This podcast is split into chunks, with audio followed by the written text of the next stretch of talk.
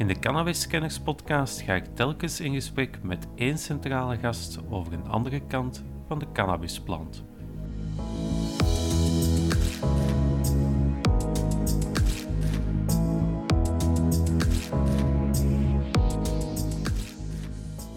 ...250 epileptische aanvallen per dag had. Uw kind gaat uh, het niet overleven. Nee, vanuit de medische wereld hebben wij totaal geen medewerking gekregen. Niemand steekt zijn nek uit. Mensen zitten ook graag op een stoel die 10.000 euro per maand opleveren.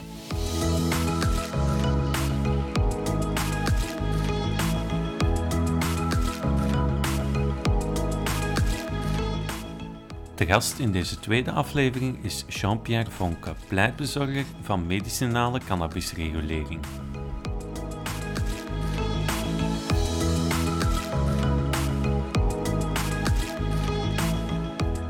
Politiek, de media. Overal horen we dissonante stemmen over het gebruik van cannabis. Tijd om de plant onder een ander licht te houden. Welkom bij Cannabiskenners.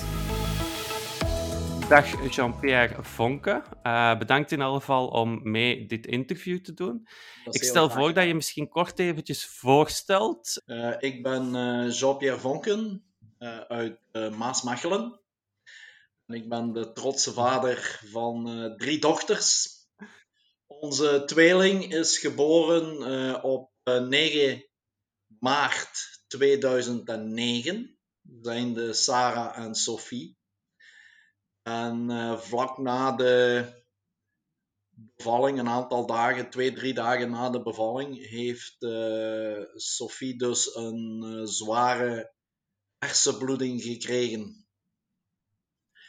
Waardoor dat er een bloedklonter gevormd werd in het, de, de, de ingang van haar ruggenmerg. Dus hier achteraan kwam een bloedklonter, waardoor dat het overtollig hersenvocht niet meer kon afgevoerd worden, aangezien die uitgang eigenlijk geblokkeerd was door een bloedprop. Ja. Uh, men heeft ja. toen geopteerd om een uh, shunt, een pompje, te zetten die het overtollig hersenvocht vanuit de hersenkamer via een kabeltje naar het buikvlies transporteerde. Men heeft ons uh, daar toen dadelijk voor gewaarschuwd dat uh, Sophie mogelijkerwijze door dat pompje epilepsie zou ontwikkelen. En uh, wij zagen daar het eerste levensjaar, zagen wij eigenlijk niks van epilepsie bij Sophie. We zagen wel dat haar ontwikkeling trager was dan haar tweelingzus, dat zagen we wel. Maar dat hadden de dokters ons ook voorspeld, van kijk, ze zal trager ontwikkelen. En op de leeftijd van 2,5 zijn wij toch verschijnselen beginnen te zien die wezen op, uh, op epilepsie, namelijk het, het overgeven, uh, het niet slapen, het, uh, de afwezige blik die ze af en toe had. we zijn daarmee naar Leuven gegaan en het vonnis werd vrij dadelijk geveld na een 24 uur EEG-opname. Namelijk dat het een heel atypische vorm van epilepsie was, dus type CSBS. Dat staat voor uh, de Engelse afkorting van Continuous Spike Waves During Slow Sleep. Dat wil zeggen dat die kinderen ogenschijnlijk slapen, maar dat die hersens eigenlijk constant onderhevig zijn aan epileptische storingen. Kinderen blijven heel rustig slapen, maar die hersens zijn eigenlijk constant aan de gang. Constant aan de gang. En die kunnen dus ook geen hmm. informatie op de juiste plaats zetten, waardoor dat, dat heel hoofd of hersens eigenlijk een, een, een soort van chaos is, eh, waardoor dat het kind bepaalde vaardigheden die ze al had, zeg maar wat schoenen binden of een boterham smeren, die vaardigheden die gaan verloren.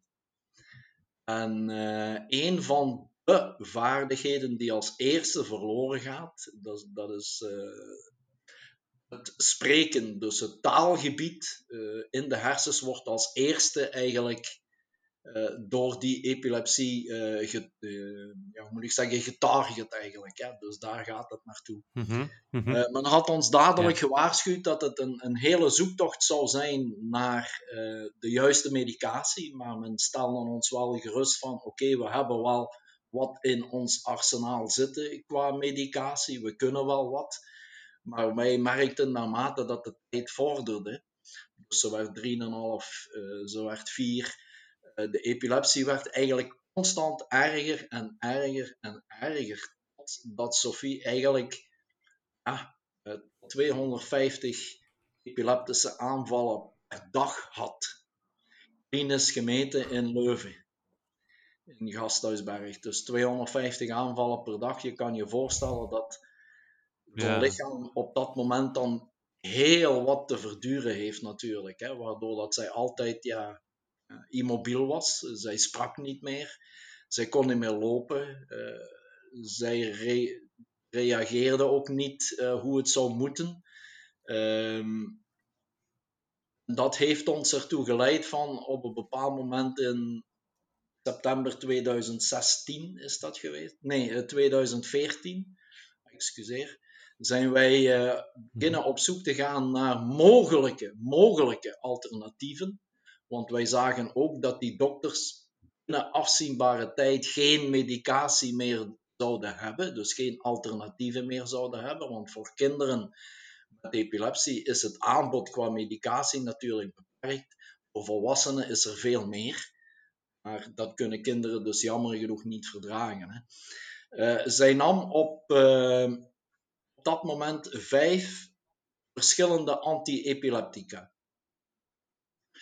kan je je voorstellen als je vijf verschillende soorten eh, medicatie voor epilepsie neemt, ja, dat heeft natuurlijk altijd zijn repercussies. Hè. Een van die bijwerkingen was een enorme gewichtstoename, uh, waardoor dat ze eigenlijk nog dikker was dan, dan eigenlijk normaal, waardoor dat ze natuurlijk ook minder mobiel werd. Uh, mm-hmm. Dat was een van de bijwerkingen. Een andere bijwerking was het volledig stoppen met praten. Het volledig stop. Het gebied in de hersens was uh, dus duidelijk helemaal verwoest door die continue epilepsie. Het gebied was weg, kapot. Er was niks meer. Dus ze zou nooit meer kunnen spreken, volgens de dokters. En in september 2014 zijn mijn vrouw en ik dan op zoek gegaan naar alternatieven. Uh, gewoon achter de laptop zitten en uh, intikken alternatieve geneeswijzen voor epilepsie. Er kwamen natuurlijk een aantal dingen uit waar ik mij vragen bij stelde. Eentje daarvan was: oké, okay, cannabis als mogelijk medicijn ik denk, ja, nu, nu, nu, nu gaan we het hebben. Hè. Drugs voor kinderen, ja, wie gaat dat nu in godsnaam doen? Ik was daar ook helemaal niet in thuis in die wereld. Uh, helemaal niet. Ik ja, dat begrijp ik. Dat begrijp ik. Ik heb mij toch uh, verdiept uh, in die materie. Dus contact gezocht met verschillende ouders, voornamelijk in Amerika, Canada waar het gebruik van uh, medicinale cannabis toch veel verder staat uh, of stond uh, dan hier in België natuurlijk. Hè. ook met de, dochter, met de dokters van die kinderen in contact gekomen. Dus in Amerika, in Israël, Canada, Brazilië heb ik gebeld.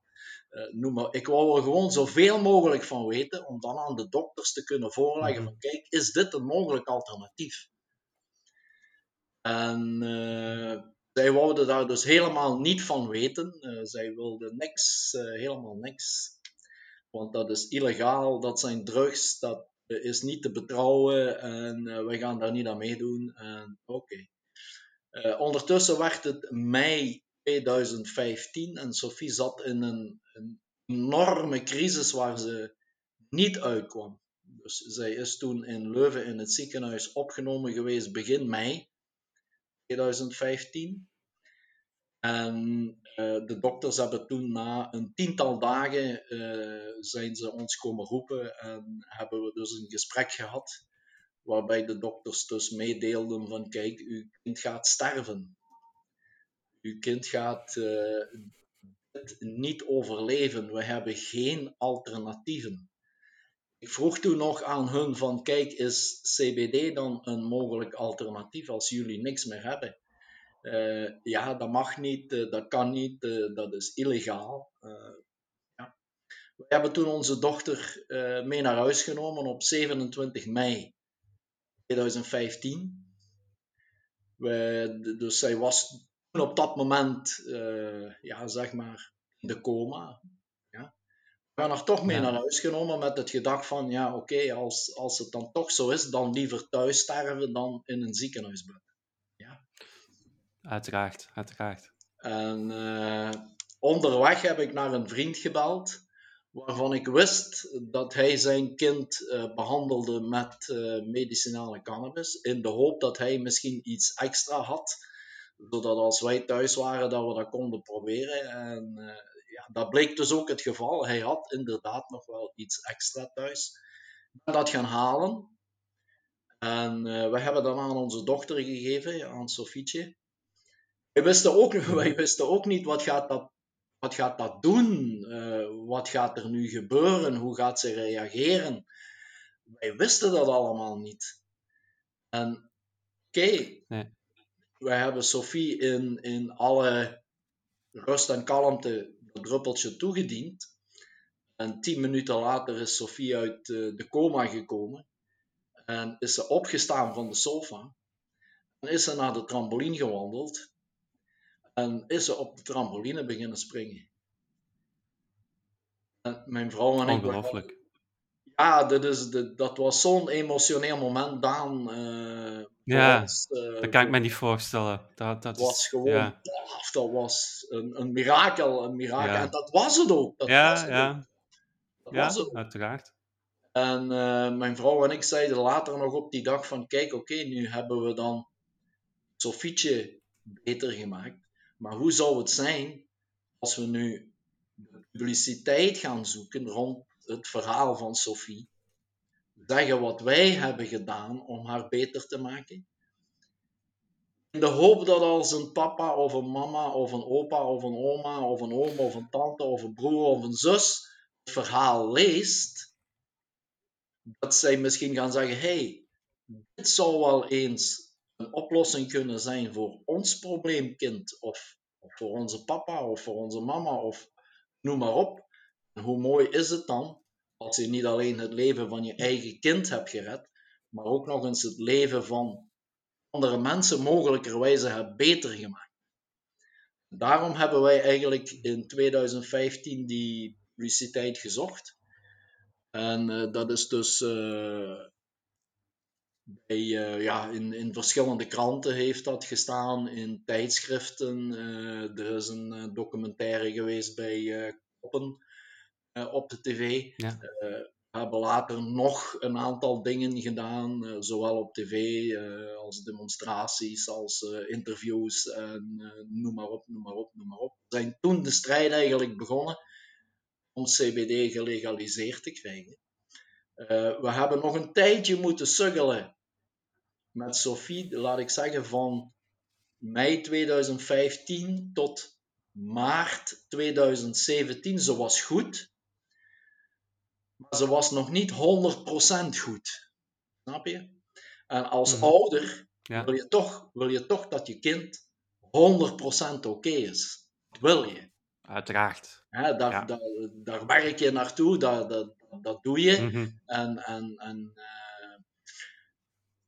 hebben toen moeten zoeken naar een, een andere concentratie van cannabis, van, van die medicinale mhm. cannabis. We hebben moeten zoeken naar ander product, om het zo maar eens te stellen.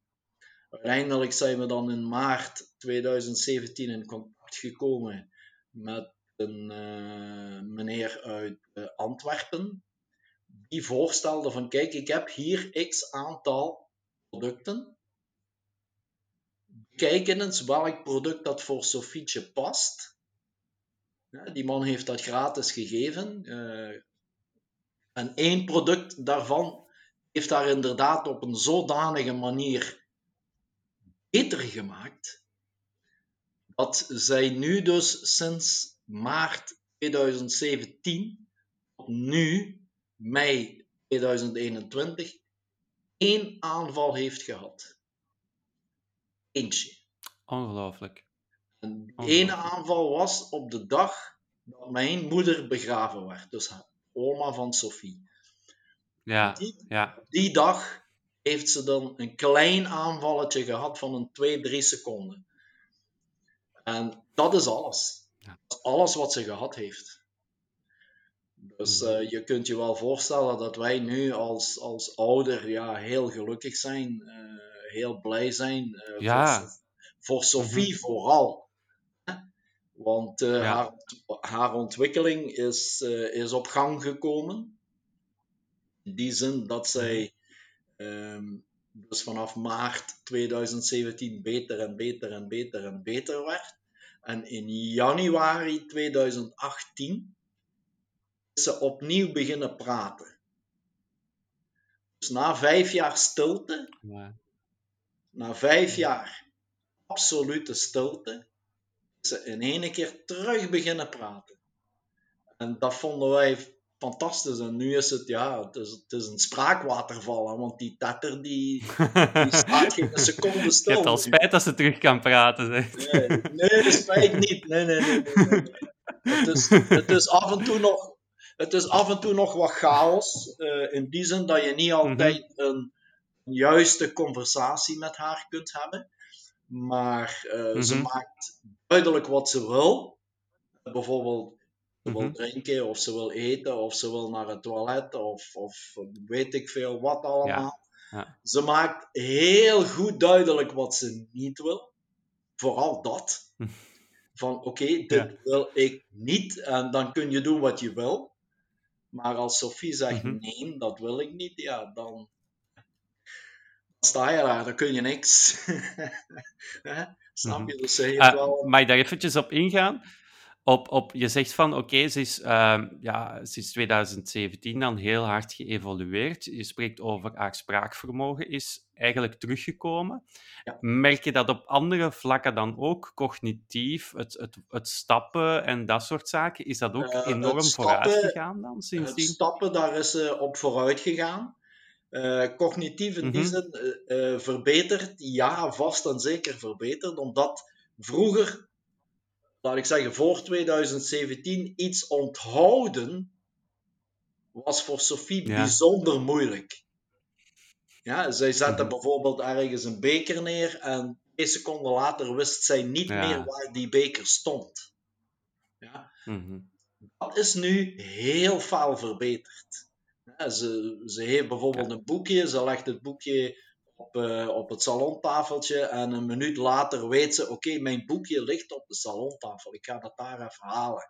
Dat was bijvoorbeeld een aantal Ja. jaren geleden totaal ondenkbaar dat ze zulke dingen onthouden. Ja, Mhm. ze kan zelf naar het toilet gaan. Eh, we moeten wel opletten natuurlijk dat ze, hè, dat ze alles doet wat ze moet doen. Ja. Dus je moet altijd wel een oogje eh, in het zeil houden. Maar ze gaat bijvoorbeeld Mhm. alleen naar het toilet. Eh, zij eet alleen, wat, eh, wat ook al een hele verbetering is ten opzichte van vroeger. Ja. En eh, vooral, vooral het praten. Dus zij praat in twee talen, dus Nederlands en Pools. De mama is Pools. Ah, Dus af, af en toe loopt, af en amai. toe loopt dat door elkaar. Dan heb je één of twee zinnen Nederlands, één of twee zinnen Pools. Maar eigenlijk maakt dat niet uit, Ja. want praten is praten. En, en zij kan zich eh, verduidelijken en, en zij weet Mhm. eh, Oké, als, ik, eh, als ik iets wil, dan moet ik dat nemen, of, of ik moet dat vragen, of van die dingen allemaal. Dus wat dat betreft is, is het leven voor Sophie heel, heel, heel, heel veel verbeterd. Ja. Mhm. Ehm, je spreekt daarover, in, in mei 2015 hebben jullie dan eigenlijk vanuit het idee, een- ik ga het niet wanopsporing, maar ergens van baat het niet, dan schaadt het niet. Hè? Ja. Gezegd van oké, we gaan CBD-olie toedienen. Ehm, en dat is dan nog verfijnd in de jaren daarna. Hebben jullie vanaf het moment dat die CBD-olie begon te werken heeft de medische wereld jullie dan ondersteund in die zoektocht naar het verfijnen van, van eigenlijk de toediening en, en de verhoudingen?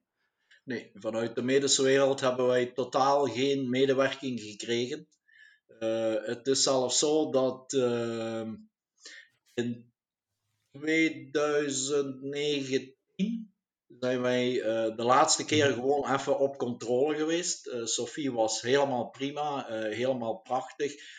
De medicatie is ook helemaal naar onderen gegaan. Dus we hebben de meest mhm schade of de medicatie met de meeste bijwerkingen, die hebben wij volledig kunnen afbouwen. En zij neemt nu mhm. het absolute, absolute, absolute minimum aan medicatie. En dat willen we ook zo houden. Gewoon een. een, een ja.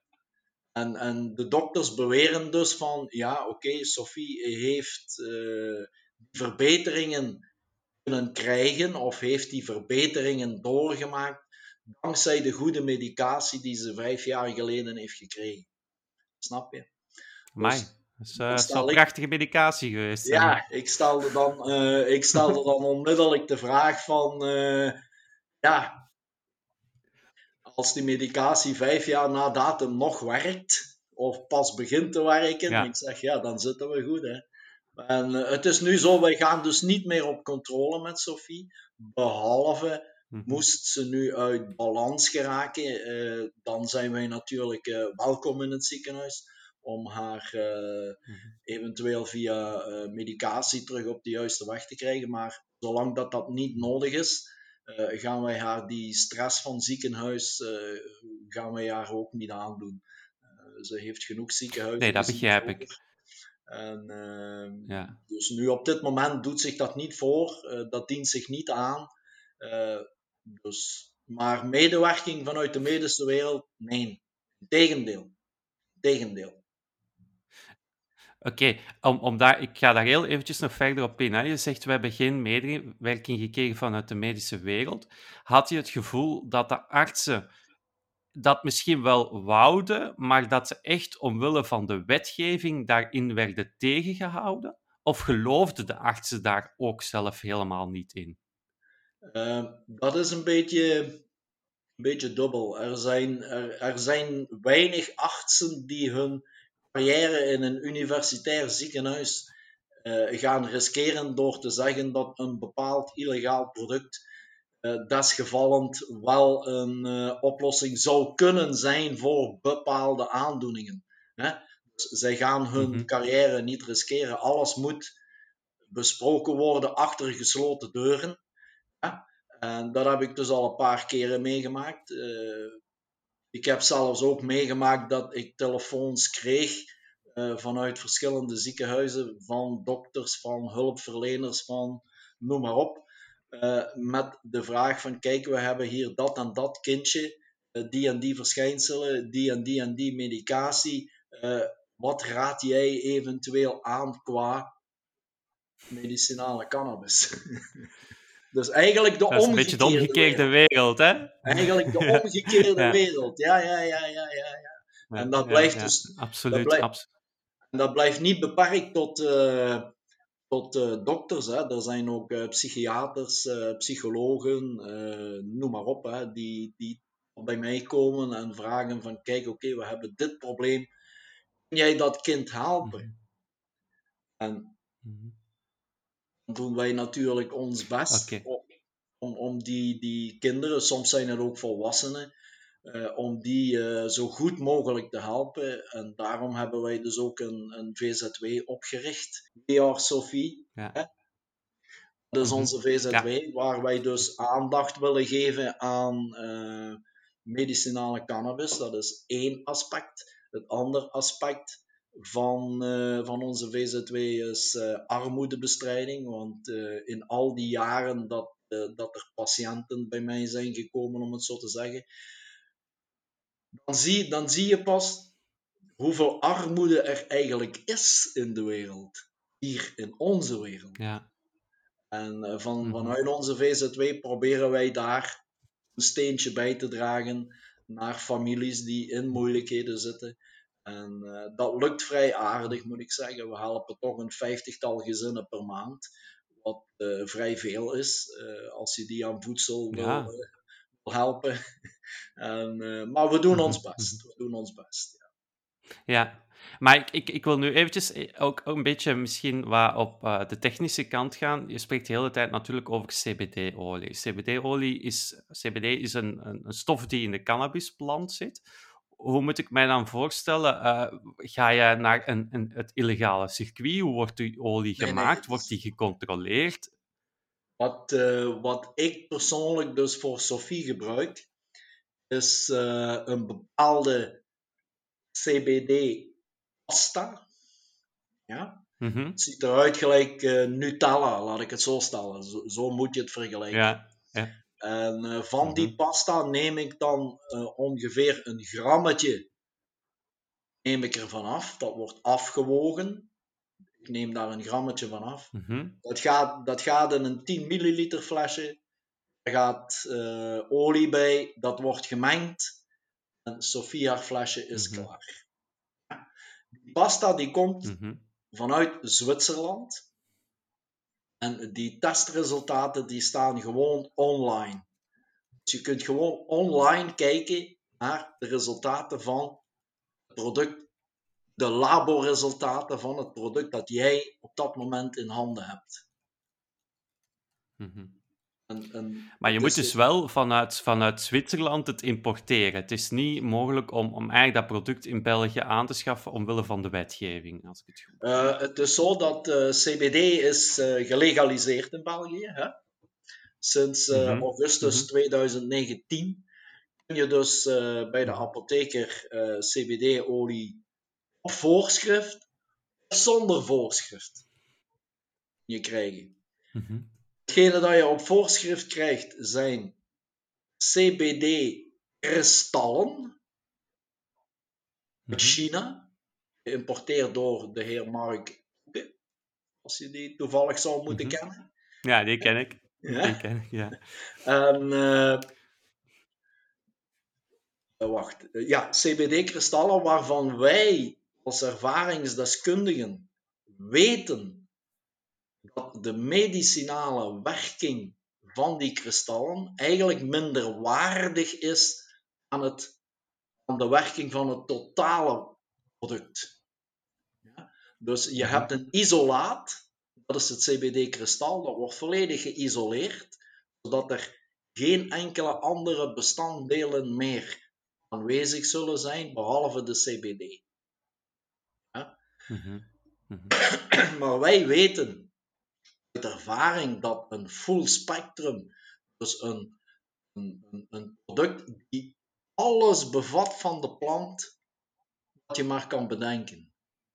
Ja? Dus een cannabisplant Ja. heeft x aantal bestanddelen die allemaal hun werking hebben. Om al die bestanddelen te analyseren en om al die bestanddelen wetenschappelijk in kaart te brengen, en dan ben je duizend jaar verder natuurlijk. Hè? Snap je? Dat is iets dat eigenlijk nooit gaat kunnen.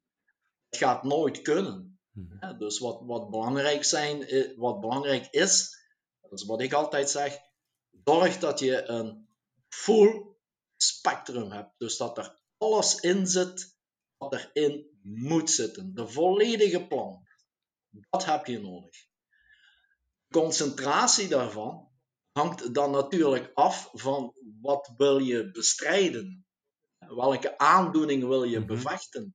En met welke patiënt heb je te maken? Heb je te maken met een kind? Of heb je te maken met een zwakkere oudere mens? Of met een min of meer een jongere mens die sterk genoeg is?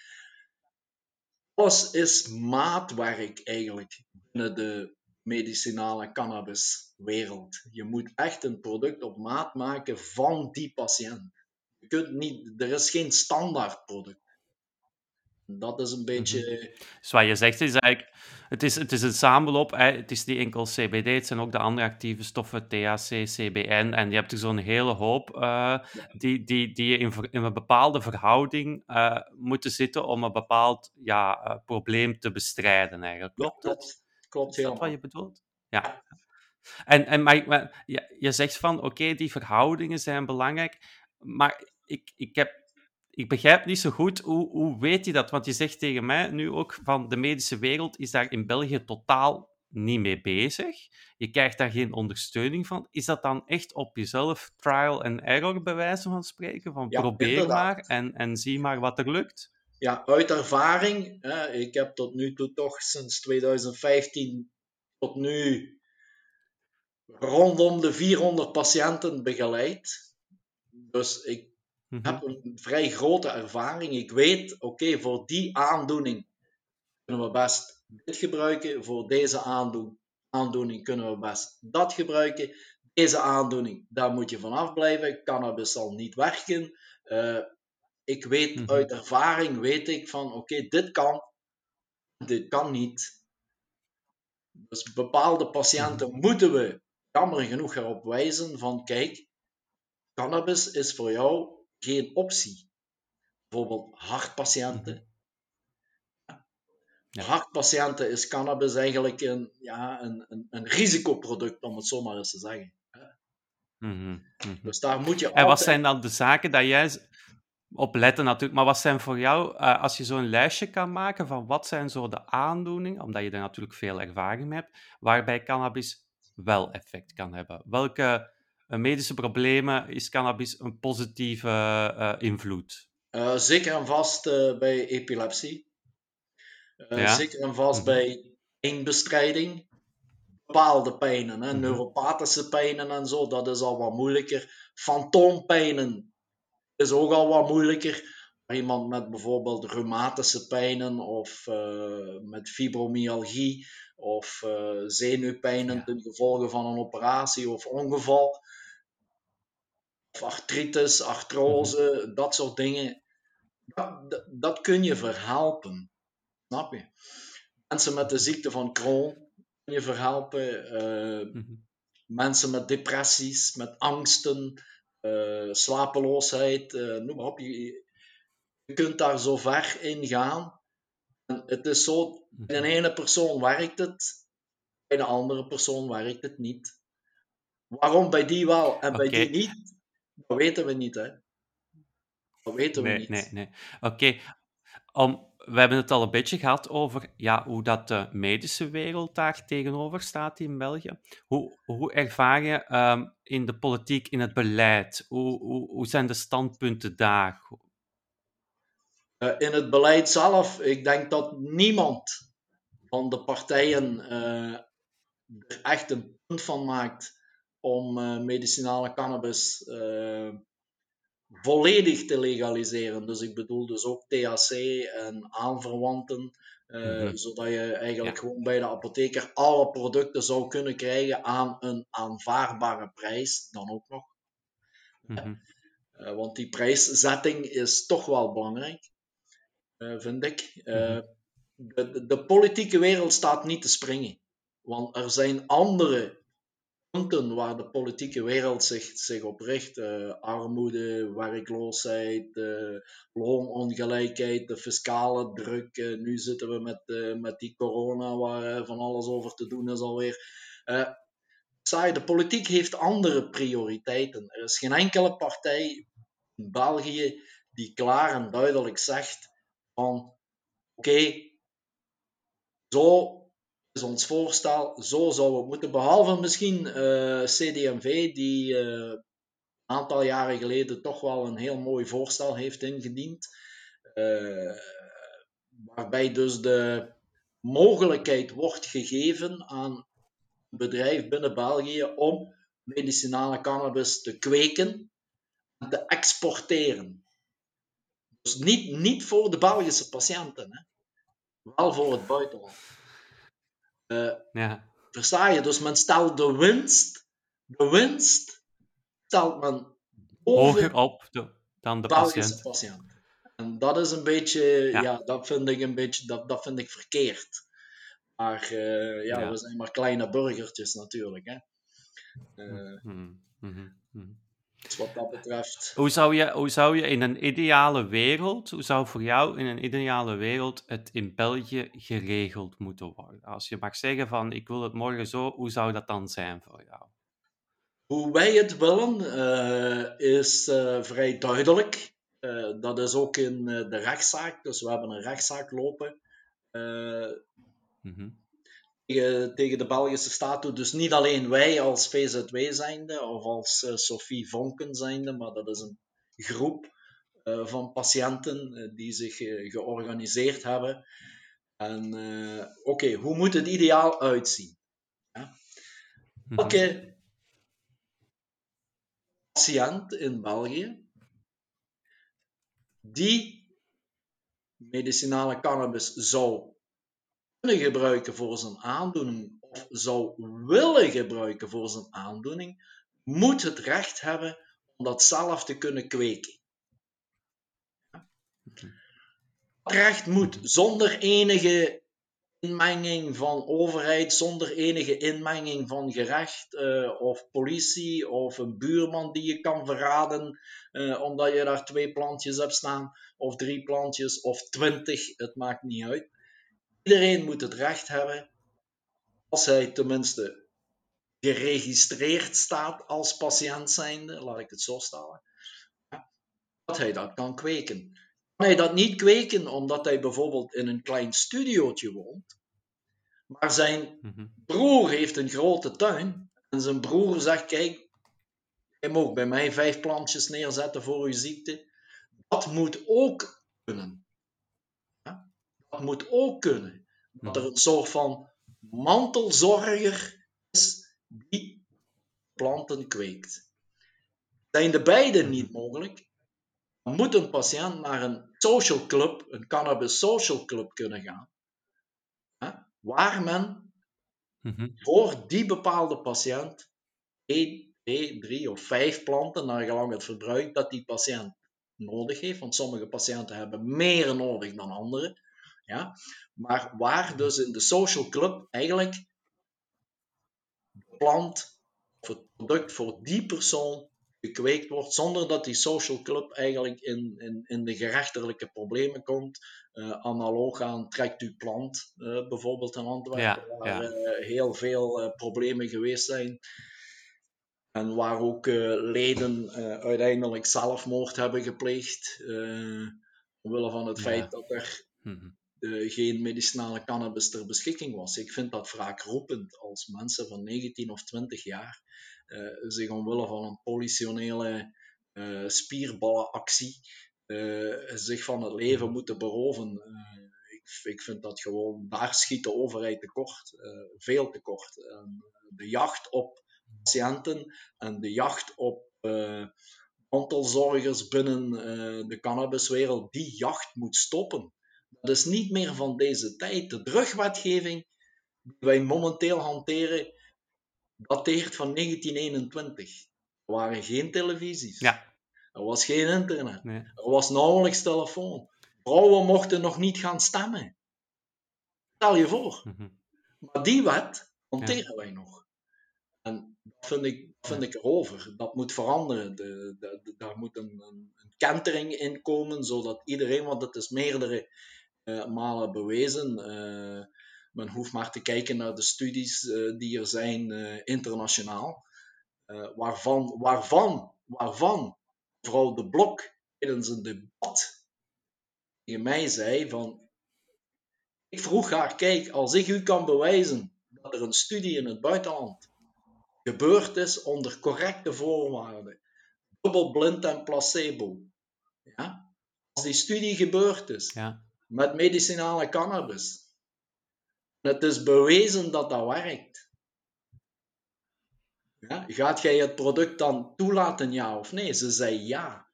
Ik heb haar toen 10.000 studies overhandigd. 10.000, hè? Ja, ja. Denk, denk je dat ze dat gelezen hebben? Nee. Ik kreeg mooi netjes de vermelding vijf dagen later kreeg ik de vermelding, meneer Vonke, ik denk toch niet dat wij dat allemaal gaan lezen. Het werd gewoon in de vuilbak gesmeten. Maar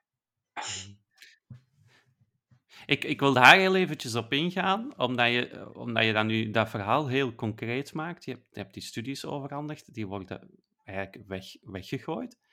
Wat is de reden daarvoor? Is dat een soort van angst om, met, om, om een drug anders te gaan behandelen vanuit de politiek, denk je? Of wat, wat is daar de reden voor dat men daar niet mee aan de slag gaat?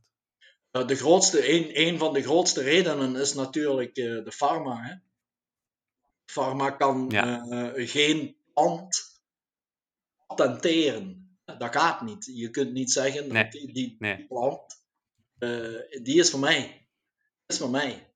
Dat, Pfizer of Merck of Bayer, niemand kan zeggen, kijk, dit is van mij. Wat ze wel kunnen, wat ze wel kunnen en wat ze ook doen, wat ze ook doen, is een plant zodanig manipuleren dat het eigenlijk in het labo een nieuwe plant wordt. En dan zeg je, kijk, die plant is van ons. Dit is onze plant. Hmm. Komt in de natuur niet voor. Het is onze plant. En hier gaan wij medicijnen van maken. Een van die medicijnen, specifiek voor epilepsie, die men ontwikkeld heeft, is Epidiolex. Epidiolex. Mhm. Heeft een uh, concentratie van 98% CBD. En daar zitten dan een aantal smaakstofjes bij en een beetje van dit en een beetje van dat. Dus het blijft chemisch. Hè? Dus het is een CBD-isolaat. Dus het is ook weer geïsoleerd. Ja? Men haalt dat daaruit. En als je dat in België zou. Ik weet natuurlijk niet of het vergund is in België, maar ik dacht het wel. Uh, dan ben je ongeveer als je een 30 milliliter flesje of dat dat de minimum hoeveelheid is, ben je 450 euro kwijt. Voor een product waarvan je niet weet, werkt dat of werkt dat niet. Ja. Duurt het al een maand voordat het eventueel zichtbaar zou zijn of het werkt of niet. Neem je een full spectrum, olie, zoals wij die maken, of zoals wij die uh, samenstellen, neem je zoiets, dan weet je dat binnen de 10 minuten. Dat, je, dat is ook de reden dat je zelf zegt van, uh, dat je betoogt van eigenlijk thuiskweek moet kunnen om een beetje die farma-industrie uh, buitenspel te zetten dan. En die hoge bedragen die zij vragen. Uh, ja, voor, voor, een stukje wel. Ja. Ik denk dat iedereen mag zorgen voor zichzelf. Uh, ook zorgen voor zijn eigen gezondheid. Ik denk dat iedereen dat recht heeft. En als uh, de cannabisplant bijdraagt aan je eigen gezondheid, waarom zou je die dan niet mogen kweken in, in je eigen tuintje? Zolang dat inderdaad onder gecontroleerde omstandigheden gebeurt. Het moet geen wildgroei zijn dat iedereen 100 planten in zijn tuin heeft staan. Hè. Daar, daar, gaan we, daar zijn we ook geen voorstander van. Ja. Maar inderdaad. Nee, maar daar wil ik misschien nog een beetje op, een beetje op ingaan, omdat je zegt, daar zijn we geen voorstander van. Um, het wordt natuurlijk, de, de, grens zal na een tijd waarschijnlijk wel ook heel vaag worden. Hè? Uh, je zegt zelf, als je geen tuin hebt om, om, om plant te zetten, zet het bij een vriend of bij je broer. Maar die kan daar dan ook gebruik van maken, zonder dat hij misschien medische problemen heeft. Hij kan dat misschien dan gaan recreatief gaan gebruiken. Wordt het dan niet heel moeilijk om dat te gaan controleren? Dat wordt uiteraard uh, moeilijker, ja. Dat is een feit. Ik heb geen problemen met recreatief gebruik van cannabis. Het is nog altijd veel veiliger om cannabis te uh, gebruiken als recreatief middel dan alcohol bijvoorbeeld. Alcohol is veel meer schadelijk mm -hmm. dan uh, cannabis, mm -hmm. op termijn dan. Hè. Uh, mm -hmm. Natuurlijk, problematisch gebruik ga je altijd hebben. Altijd. Dat heb je met dat heb ja. je met uh, wafels uh, van bij de Deleuze. Uh, dat heb je met Coca-Cola in een café. dat heb je met bier in een café. Problematisch gebruik het zal er altijd zijn. Van sigaretten of van noem maar op, noem maar op, noem maar op. Dat is een minderheid. Dat is een, dat is een echte minderheid. En, en ik, vind, ik vind, en samen met mij nog veel andere mensen, van laat het vrij voor de patiënt. Het recreatieve gedeelte, is iets anders.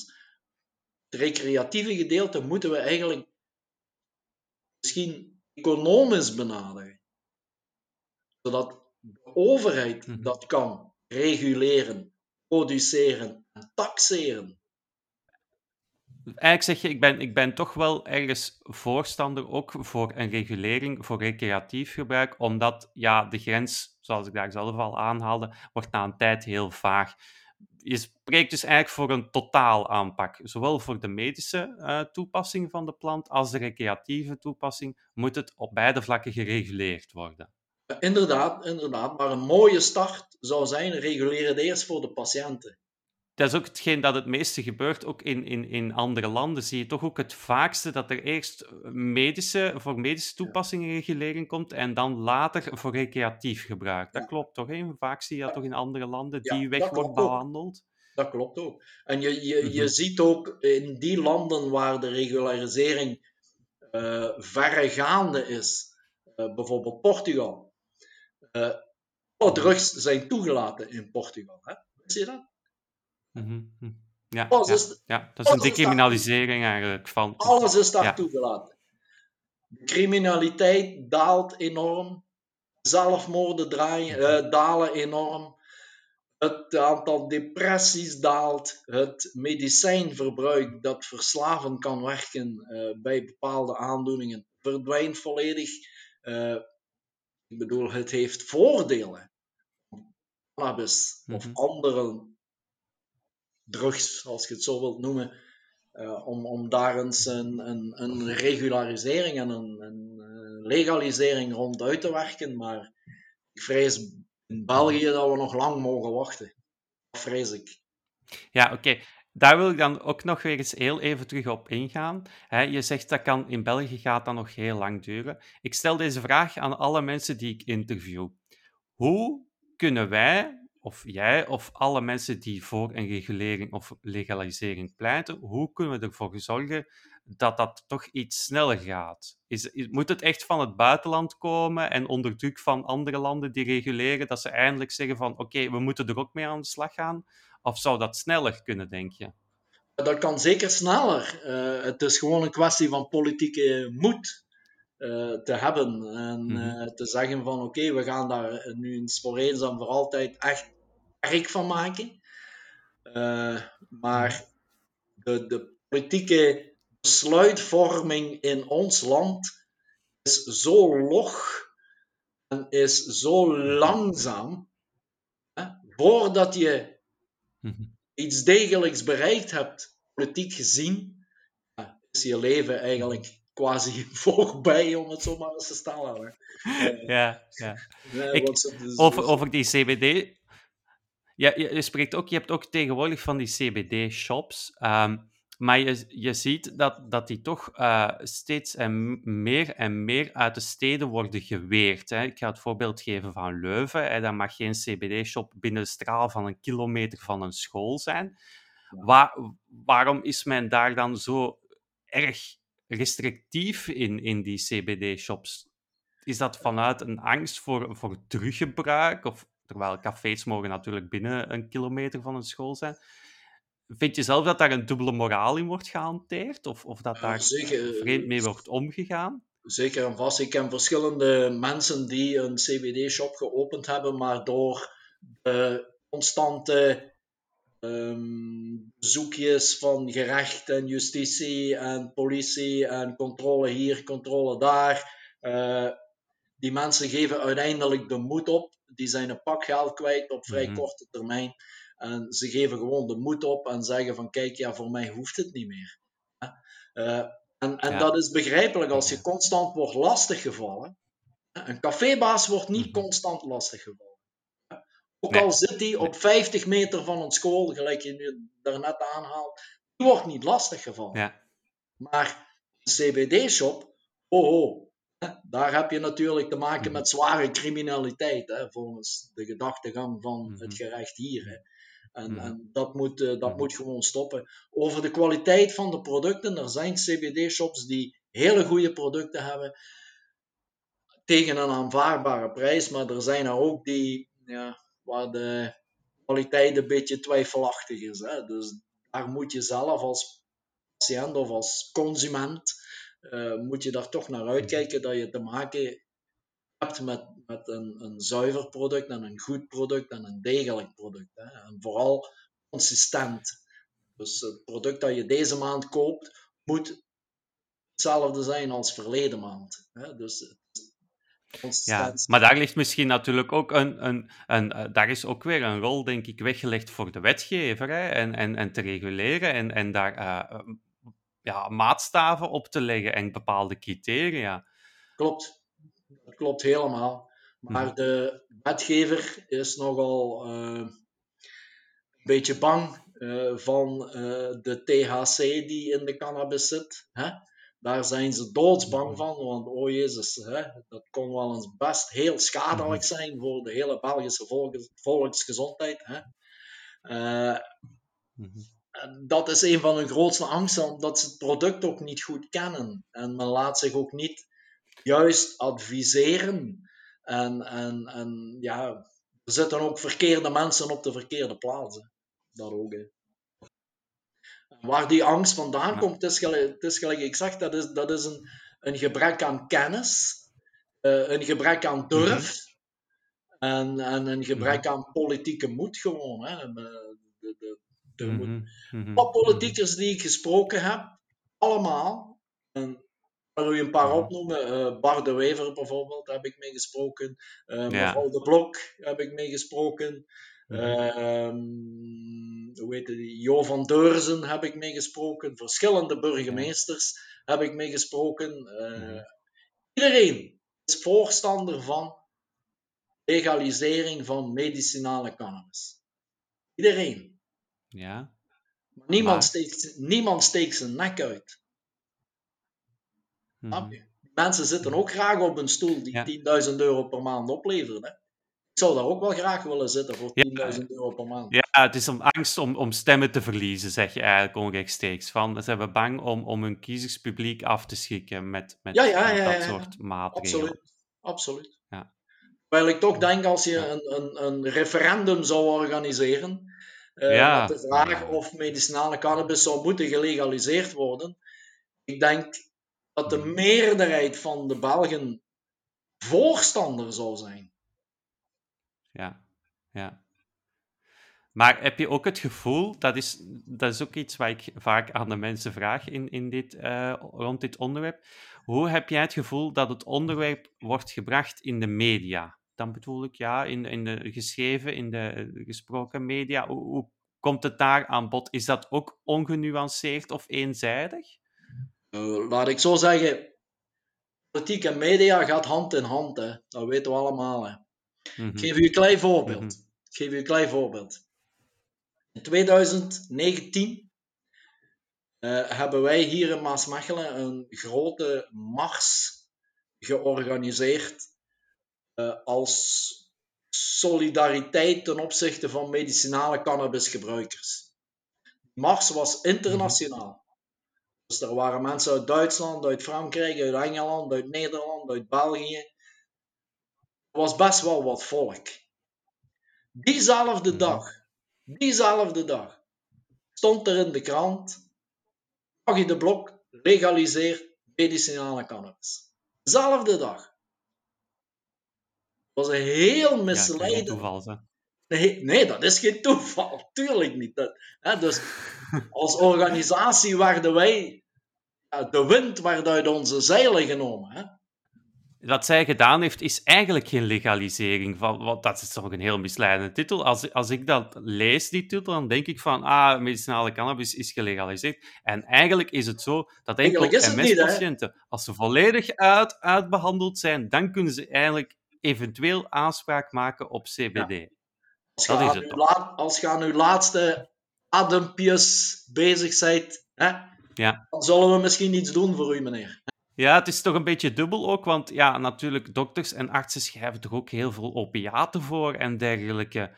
Dat is toch ook, ja, Dat is op zich nog veel erger. Hè? Dus uh, de opiatenverslaving, de opiatenverslaving. Ik heb hier mensen gezien die, uh, ja, hoe moet ik u dat zeggen, Daan? Zodanig onder de druk van die opiaten zaten. En, en opiaten geven Mhm. een, een hele donkere high. Die high is heel donker. Ja.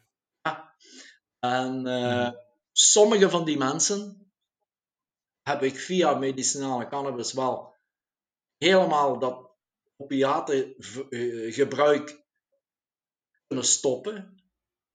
Sommigen niet. Mhm. Sommigen moeten nog een kleine onderhoudsdosis nemen, aangevuld met cannabis. Ja. Maar het gaat. Mhm. Je Mhm. kunt perfect die mensen helpen door ofwel de opiaten weg te nemen, cannabis in de plaats, ofwel de opiaten te verminderen, cannabis in de plaats. Het kan perfect. Het kan perfect. Het Mhm. is bewezen dat opiaten op, op termijn eigenlijk uitermate verslavende producten zijn. Hè. Dat, is, Uiteraard, ja. dat is wetenschappelijk bewezen. Hè. Ik bedoel, men hoeft daar Mhm. Ik hoef niet gestudeerd te hebben voor dokter om dat te zeggen, maar dat is gewoon zo. Ja, ja. Om nu te- tenslotte nog even terug te komen op dat puntje van de media. Wat jij dus zegt, is dat de media eigenlijk heel hard gestuurd wordt door de politiek rond dit thema. Natuurlijk, het, het, het is zo als, als journalist zijnde. Ja? Als je zegt, Mhm. eh, je, je, je wil, je wil een, een, een, een, een, een artikeltje schrijven in de weekendkrant en eh, je hebt minister X, Y of Z nodig. Als je goede vriendjes bent, geven ze jou wel een interview. En geven ze jou wel Mhm. bepaalde standpunten. Je geen vriendjes, krijg je niks. Ja. Dus Ja. de media moet de politiek tevreden houden. Anders krijgen ze, krijgen ze geen informatie meer van die mensen daar. Ja. Je, je, je bent al jaren met het thema bezig. Vind je dan ook dat de, de media daar dan te weinig kritische vragen rond stelt tegenover de politiek? Dat ze zich snel met een kluitje in het riet laten sturen? Ja, ja je, je moet al een, een, een goede kritische onderzoeksjournalist hebben die echt durft door, door, door, doorvragen. Patrick de Wals is zo iemand bijvoorbeeld, die Ja. ook met kennis van zaken vragen kan Mhm. stellen. Iemand die geen kennis heeft over medicinale cannabis, kan er ook niet Mhm. echt gerichte vragen over stellen. Hè? Nee, Je, je moet waar. er je moet waar. er een bepaalde kennis over hebben, vooraleer Mhm. dat je met iemand een gesprek aangaat of een vraag gaat beantwoorden. Het is dat ook wat Mhm. ik altijd doe Mhm. eh, als ik eh, met een dokter in contact kom. Soms staan ze ver, verstomd van, ja, oké, eigenlijk jij als niet-gestudeerde, je hebt wel Ja. gelijk. Als niet-gestudeerde. hè. Ik zou, het wel, ik zou willen eindigen met de toekomst. Ehm, eerst en vooral de toekomst van Sophie. Ehm, zien jullie nog steeds verbeteringen in, in haar eh, medische toestand? Gaat ze nog Wij zien- altijd met stappen vooruit? Ja, wij zien nog steeds verbeteringen. En eh, ze is nu 12. Haar type Mhm. epilepsie is zodanig dat in de puberteit worden bepaalde hormonen aangemaakt die epilepsie volledig vernietigen. Fantastisch. Dus dat is niet bij elk kind zo, maar bij 70% van de kinderen met dat type epilepsie is dat wel het geval. 70% van de kinderen in de puberteit gaat genezen. De vraag is, Mhm. hoe groot is het gat met de leeftijdsgenootjes? Hoe groot gaat Ja. dat gat zijn? Wat gaan we nog kunnen bijbrengen aan kennis en wat gaan we nog kunnen bijbrengen aan vaardigheden om dat gat minder groot te maken of te sluiten? Ik Mhm. weet het niet, dat gaat de toekomst uitwijzen. We zijn al heel blij Mhm. dat ze geen aanvallen meer heeft.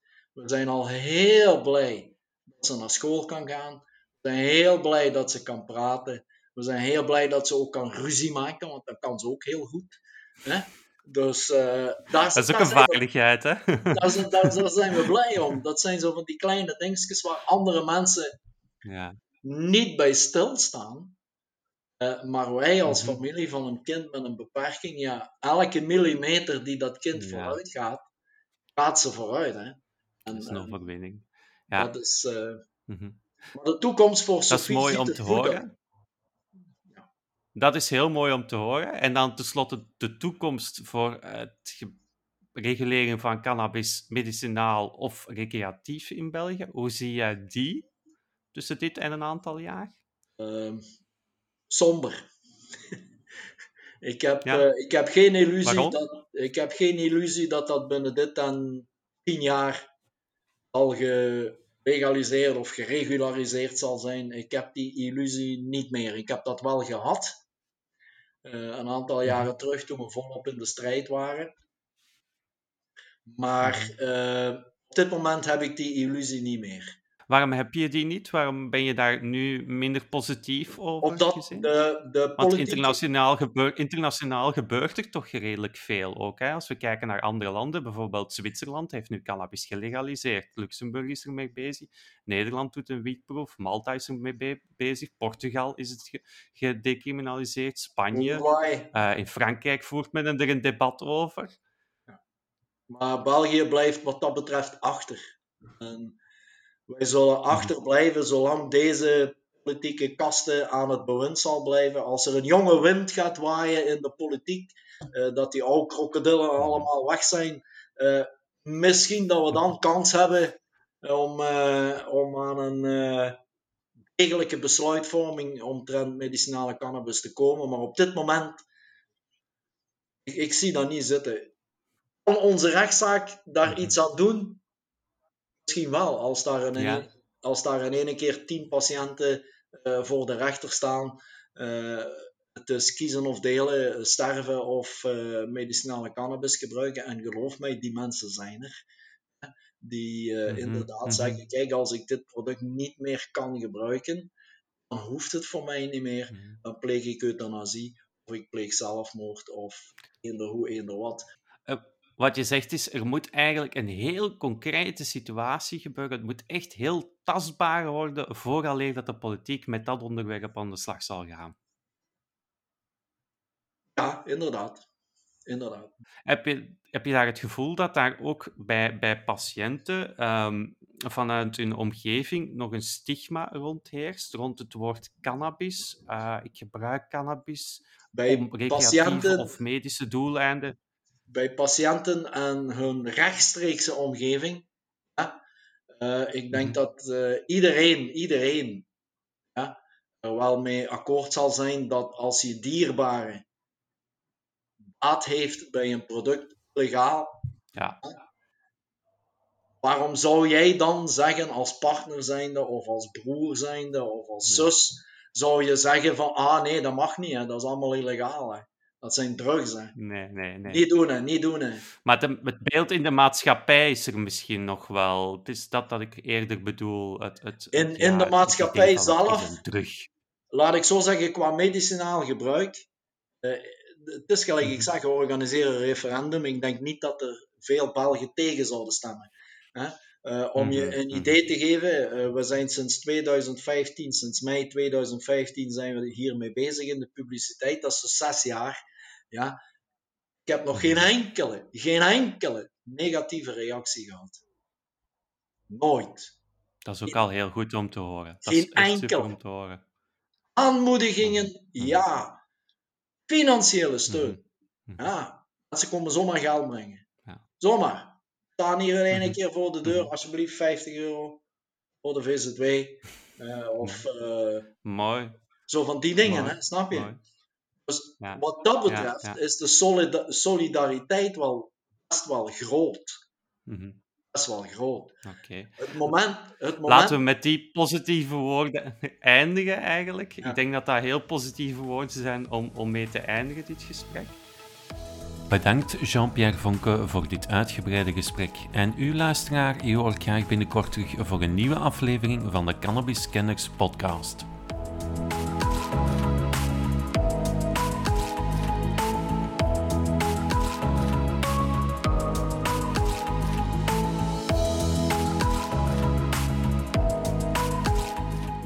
Meer podcasts ga naar www.cannabiscanners.be of voeg Cannabiscanners toe in je favoriete podcast-app. Heb je een vraag of wil je graag iets delen? Mail dan naar info.cannabiscanners.be.